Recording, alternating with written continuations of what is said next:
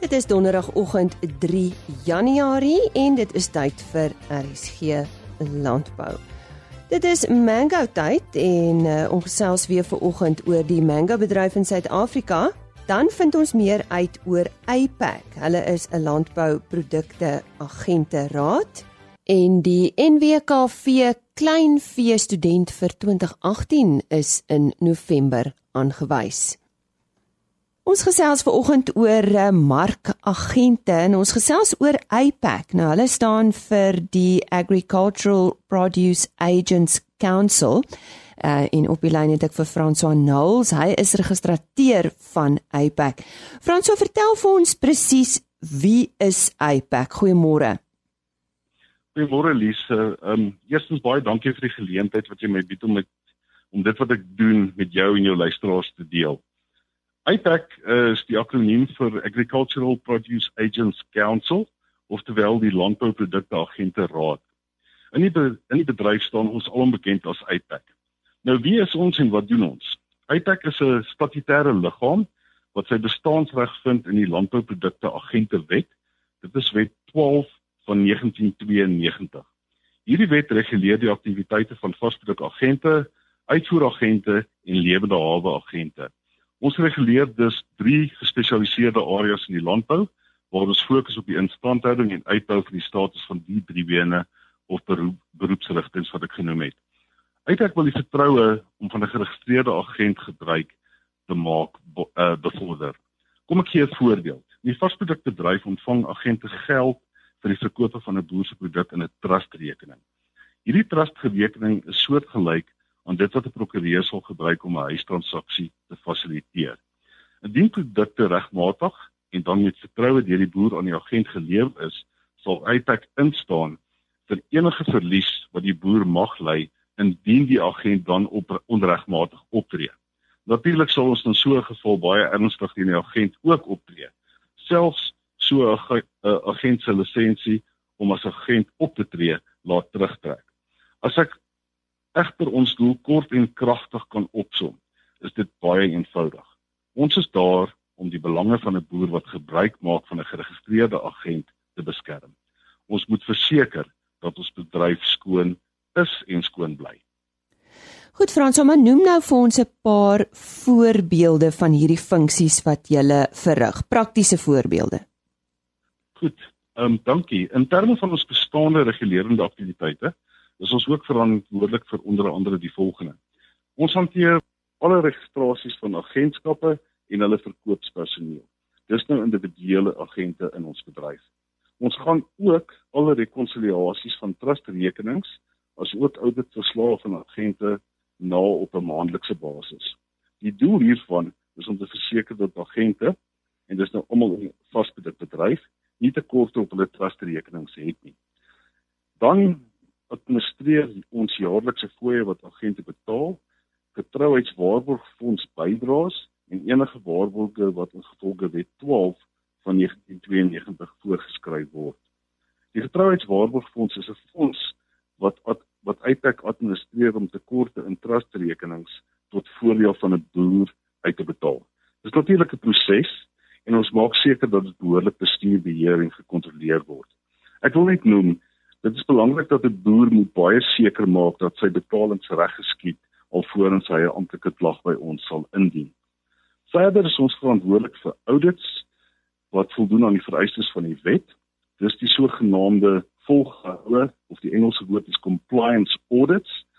Wet 12 is voorskrifklik in dat 'n boer 5 dae na die verkoop van sy vasproduk die betaling daarvan moet ontvang.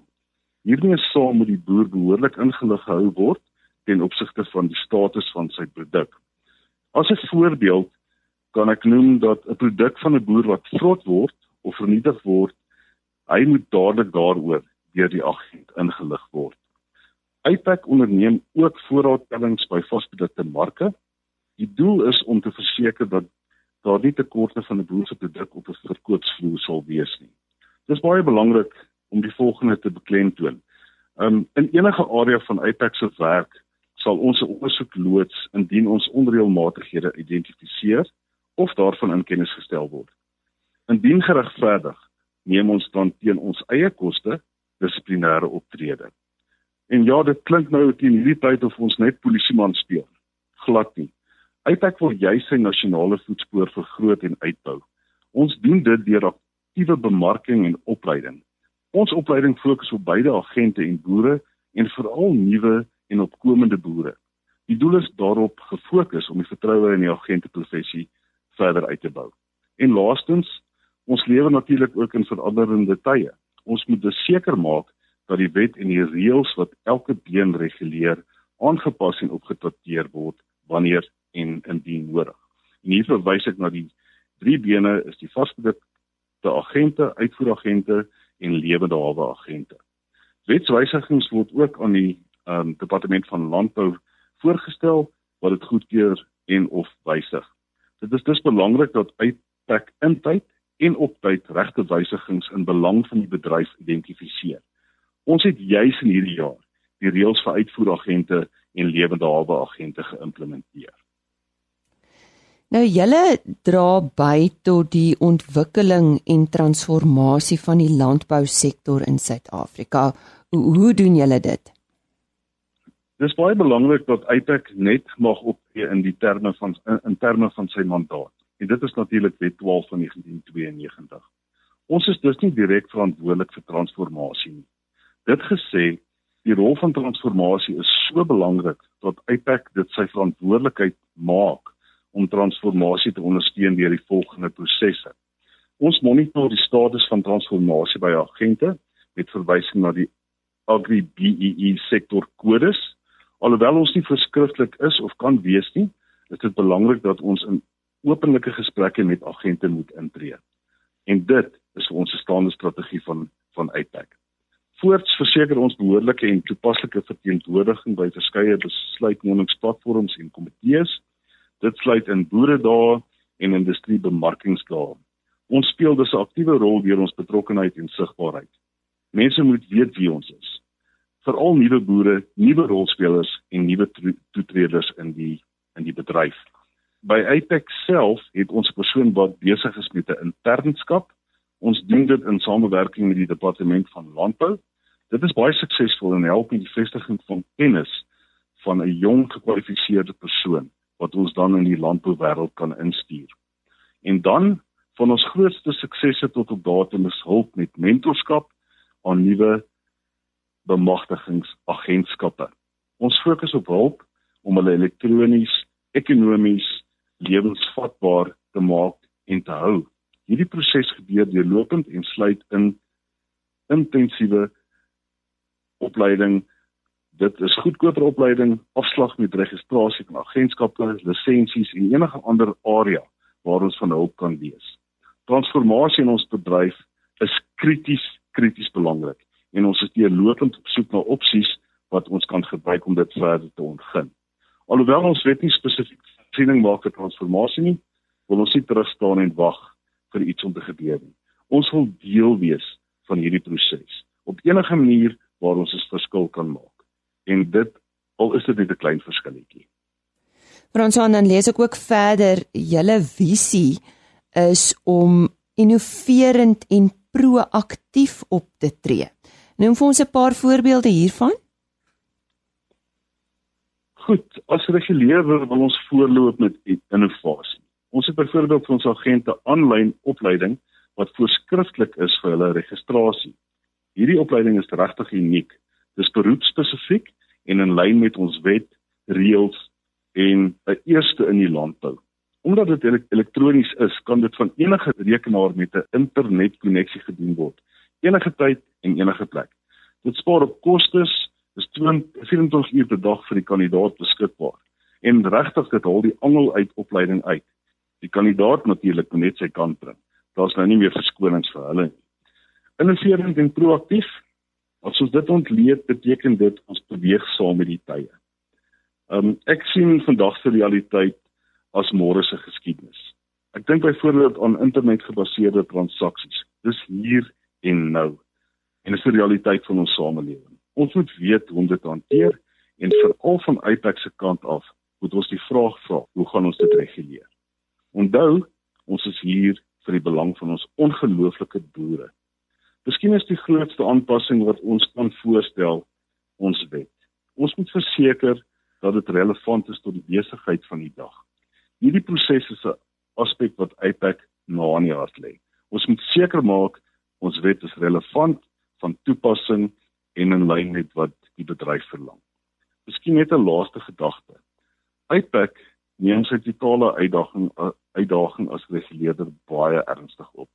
daarmee saam wil ons ons bedryf professioneel en met ernstige passie dien. Sê daarmee baie dankie aan François Knowles, hy is registreer van APEC en uh, hy het ons verduidelik wie hulle is en uh, ook 'n paar voorbeelde genoem wat hulle vir landbou in Suid-Afrika beteken. En ons sluit nou aan by Henny Maas. Ons uh, gaan nou gesels oor mangoes en uh, daaroor praat ons met Johan de Pre, hy is die operasionele bestuurder van die Bavaria Fruit Estates. Vertel jy ons vir ons Johan, waar is hierdie estate van julle? 'n Bavaria Fruit Estate is naby Hoedspruit in die Limpopo distrik so teenoor die Wildtuin. On, ons gaan oor mangoes praat. Ek neem aan daardie gebied is uh, uiters geskik vir mangoes. Ja, hierdie is nou wat ons noem die uh, laafveld van Limpopo. Uh is eintlik maar so 'n lekker tropiese area en baie geskik vir mangoes en dis ook die grootste mango produseerende gebied in Suid-Afrika. Die uh, vrug mango, waar kom hy eintlik vandaan? Jong, hy kom eintlik hoofsaaklik uit uh Indië, Burma area. Uh so dit is eintlik 'n tropiese gewas, maar dis maar sy hoofoorsprong alhoewel daar ook 'n tweede bron is wat eintlik maar meer in die Filippynse eilande voorkom. Natuurlik is daar mangoes en mangoes, nee, daar is verskillende variëteite, nee. Ja, dis nogal 'n interessante storie as jy uh, Indië toe gaan waar omtrent 60% van die wêreld se mangoes geproduseer word, dan het hulle so 3500 uh geregistreerde kultivars wat name het, maar dan is daar ook 'n klomp wat nie name het nie. So ja, daar's baie. Die nuutste deesdae is maar hoofsaaklik die uh vesellose mangoes en uh jy weet vroeër jare toe ons kinders was het ou almal gepraat van die die mangoes met die hare tussen die tande, maar hierdie is uh deesdae is omtrent alles veselloos. So dis spesiaal uh noem dit nou maar so ontwikkel vir die mark. Ja, dis eintlik ook uh, twee verskillende bronne van oorsprong wat uh, daartoe gelei het. Dit is nie eintlik so ontwikkel nie. Dit is eintlik maar net uh, die ouens het gevind dat sekere van die mangoes is uh, veselloos en het nou maar net meer seleksies daarvan gemaak. Maar dis nie met 'n uh, doelbewuste poging wat uh, iemand iets gedoen het om dit veselloos te kry nie. Dis nie soos deesdae se saadlose vrugte nie. Dit is maar uh, nog altyd was daar vesellose mangoes. Hoe lyk die verbruik van mangoes hier in ons land? Jong, ons het eintlik 'n baie interessante verbruik van mangoes. Uh die baie min mense besef dit, maar die grootste verbruik van mangoes in Suid-Afrika is eintlik vir die uh achar. En uh dis omtrent so in die omgewing van 60% van alle mangoes word gebruik in achar wat eintlik maar as 'n bykos dien vir die jy weet die goed soos brood en pap en die die tipe van basiese uh voedsels en uh dis eintlik maar 'n uh, hoofbron daarvan. So dis maar net groen mangoes wat opgekap is en dan gemeng is met uh speserye en 'n bietjie olie. En dit word dan nou so half gebruik as 'n as 'n 'n bygereg saam met jou hoof eet basiese voedsel soos so wat ek nou sê mieliepap en so aan. En dan uh is die tweede gebruik uh, wat daar nou baie van is is natuurlik die vasgebruik wat meeste mense ken. En dan 'n ding wat oor die laaste klompie jare baie groot uh, opgang gemaak het, is dan nou die gedroogde mangoes.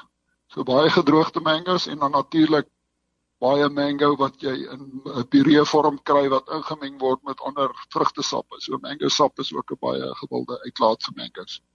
En en hoe lyk die uitvoermark? Uh, die uitvoermark bestaan nog, maar uh, in totaal van die hele mango oes op die oomblik word minder as 5% uitgevoer Ehm um, omdat 'n baie groot persentasie van die mangoes word eintlik op 'n informele basis geboer. Ehm um, so dit maak die persentasie wat uitgevoer word min. Maar selfs kommersiële boere wat mangoes boer, uh voer nie veel meer as 10-15% van hulle produk uit nie. Dit is maar uh saaklik as gevolg van die feit dat ons so ver van die mark af is en uh dat die mango's 'n baie bederfbare produk is. So dis nie so maklik om uit te voer nie en ons het uh, baie kompetisie van Suid-Amerikaanse lande wat uh, nader aan die mark is met die gevolg is hulle kan hulle mangoes 'n bietjie ryper pluk en uh, jy weet dis 'n korter tyd wat dit vat om op die mark te kom. Ook het ons uh, produksiekoste oor die aantal jare het nou nogal geweldig gestyg met minimumlone en chemikalieë, diesel, die tipe van goed wat geweldig gestyg het. En dis ons in baie gevalle ook nie meer kompeterend met van die ander ouens wat uh, spesifiek in die Suid-Amerikaanse lande, uh, spesifiek Peru, is baie groot mangoes, uh, Brasilië en ons kan nie regtig met hulle kompeteer op die mark ook nie. Jy het 'n interessante ding gesê, jy het gesê die die die informele mango bedryf uh so dit is uh, le redelik lewenskragtig. Ja, dit is baie lewenskragtig. Jy sien mangoes uh is 'n baie geharde boom want dit kom nou uit die areas wat nou bekend staan as die uh uh mousson areas waar jy nou 'n sekere tyd van die jaar het jy nou geweldige reën en dan het jy nou weer 'n sekere tyd van die jaar het jy absoluut niks water. Met die gevolg is mangoes is baie gehard. En om daardie redes kan mangoes uh in ons uh, kom ons sê meer subtropiese areas met hoë reënval kan 'n mangoboom baie maklik uh, droëland gekweek word. Ongeluk is dit gee nou nie altyd vir jou groot oes nie want dit hang nou maar alles af wanneer die reenseisoen begin. Maar uh jy weet ek sê altyd 'n mangoboom maak 'n mooi koelteboom ook. So baie ouens in jou informele areas, die ou tuislande en so aan het het mangoes rondom hulle huise. En as dit jare goeie jare is, dan uh, oes hulle, as dit nou die jaar nie 'n goeie jaar is nie, dan gebruik hulle dit net maar net vir 'n koelteboom om onder te sit. Uh en uh, dis 'n baie groot persentasie van mangoes uh weet ons het, het nie 100% sekerheid presies wat se volume is dit is nie, maar dit kan baie naby aan 45 tot 50% van die totale oes wees wat op so 'n informele basis eintlik uh, geproduseer word. Ja net so ietsie hoor 'n uh, 'n uh, uh, interessante ding wat ek opgemerk het is hierdie kewer wat uh, uit die uh, mango pit uitkruip as uh, as 'n mens om nou eet. Wat is die storie agter die ding? Ja, dis 'n baie interessante storie. Kyk, die mango snytkewer is 'n is is 'n kewertjie wat uh, sy eiers lê op die vruggies wanneer hulle nou nog klein is. Omtrent hier in die grootte van 'n golfbal of so. En dan broei die eiertjies uit en die larwetjies boor dan binne in die vrug in tot binne in die put en voltooi dan sy lewensiklus daar binne in die put.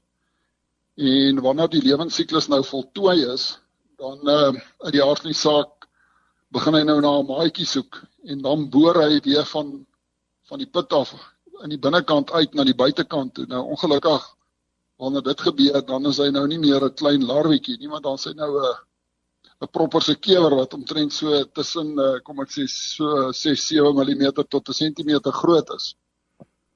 Nou vroeër jare het baie mense gedink uh, 'n uh, mango, alle mango's het 'n kewer in sy pit. Nou dit is nie waar nie. En uh, daar daar is natuurlik maniere om dit te beheer en so aan so die huisvrou uit die aard van die saak hou nou nie baie daarvan as hulle 'n vrug sny en dan kom hier nou 'n kewer uit nie. Jy weet dis amper soos met 'n wurmpie. Dit is nogal raai om 'n wurmpie te sien, maar as jy 'n halwe wurmpie sien, dan is dit nogal erg. uh so ja, dis nou wat met die kewer gebeur en dan veral in die areas waar daar nie uh, vreeslik uh, kommersieel geboer word nie, kan 'n mens nogal uh, baie hoë infestasie kry in van die vrugte. Ja, ons sê baie dankie aan Johan de Pre, die bedryfsbestuurder van die Bavaria Fruit Estate. Dankie Jenny. Voor ons voortgaan met ons program, indien u graag weer na een van ons onderhoude wil luister, besoek gerus www.rsg.co.za. Onthou, uh die potgooi is daar beskikbaar van die program. Soek net onder potgooi vir RSG Landbou en dan op die volgende webtuiste word al die onderhoude ook apart gelaai. Dit is op www.agriorbit.com. Klik bo in die bladsy op broadcast en dan RSG landbou. Soek dan net daar vir die onderhoud waarna u weer wil luister. Dit is www.agriorbit.com. Aan die einde van November verlede jaar het die uh, Nasionale Wolkwekersvereniging hulle 2018 prys van die jaar oorhandig vir die beste student in klein vee kudde gesondheid en produksie. en sy is van die Universiteit van Pretoria. Haar naam is Dr. Sherike van der Merwe. Nou, dit is lekker om haar op die lyn te hê so vroeg in die nuwe jaar om te hoor uh hoe uh landbou haar ook geïnspireer het. Vertel ons 'n bietjie van jou studieloopbaan. Wanneer het alles nou vir jou begin? Is is jy 'n plaasmeisie, Sherike? Ek is ja, maar ek het met perde groot geword. Heeltemal teenoorgestelde. Maar ehm um, ek het ek was bietjie jonk, ek was 16 in matriek gewees. So ek wou baie graag vir sy gaan swat het, maar dit was net te ver en te duur. So het ek BSc Griek gaan swat by die Universiteit van die Vrystaat.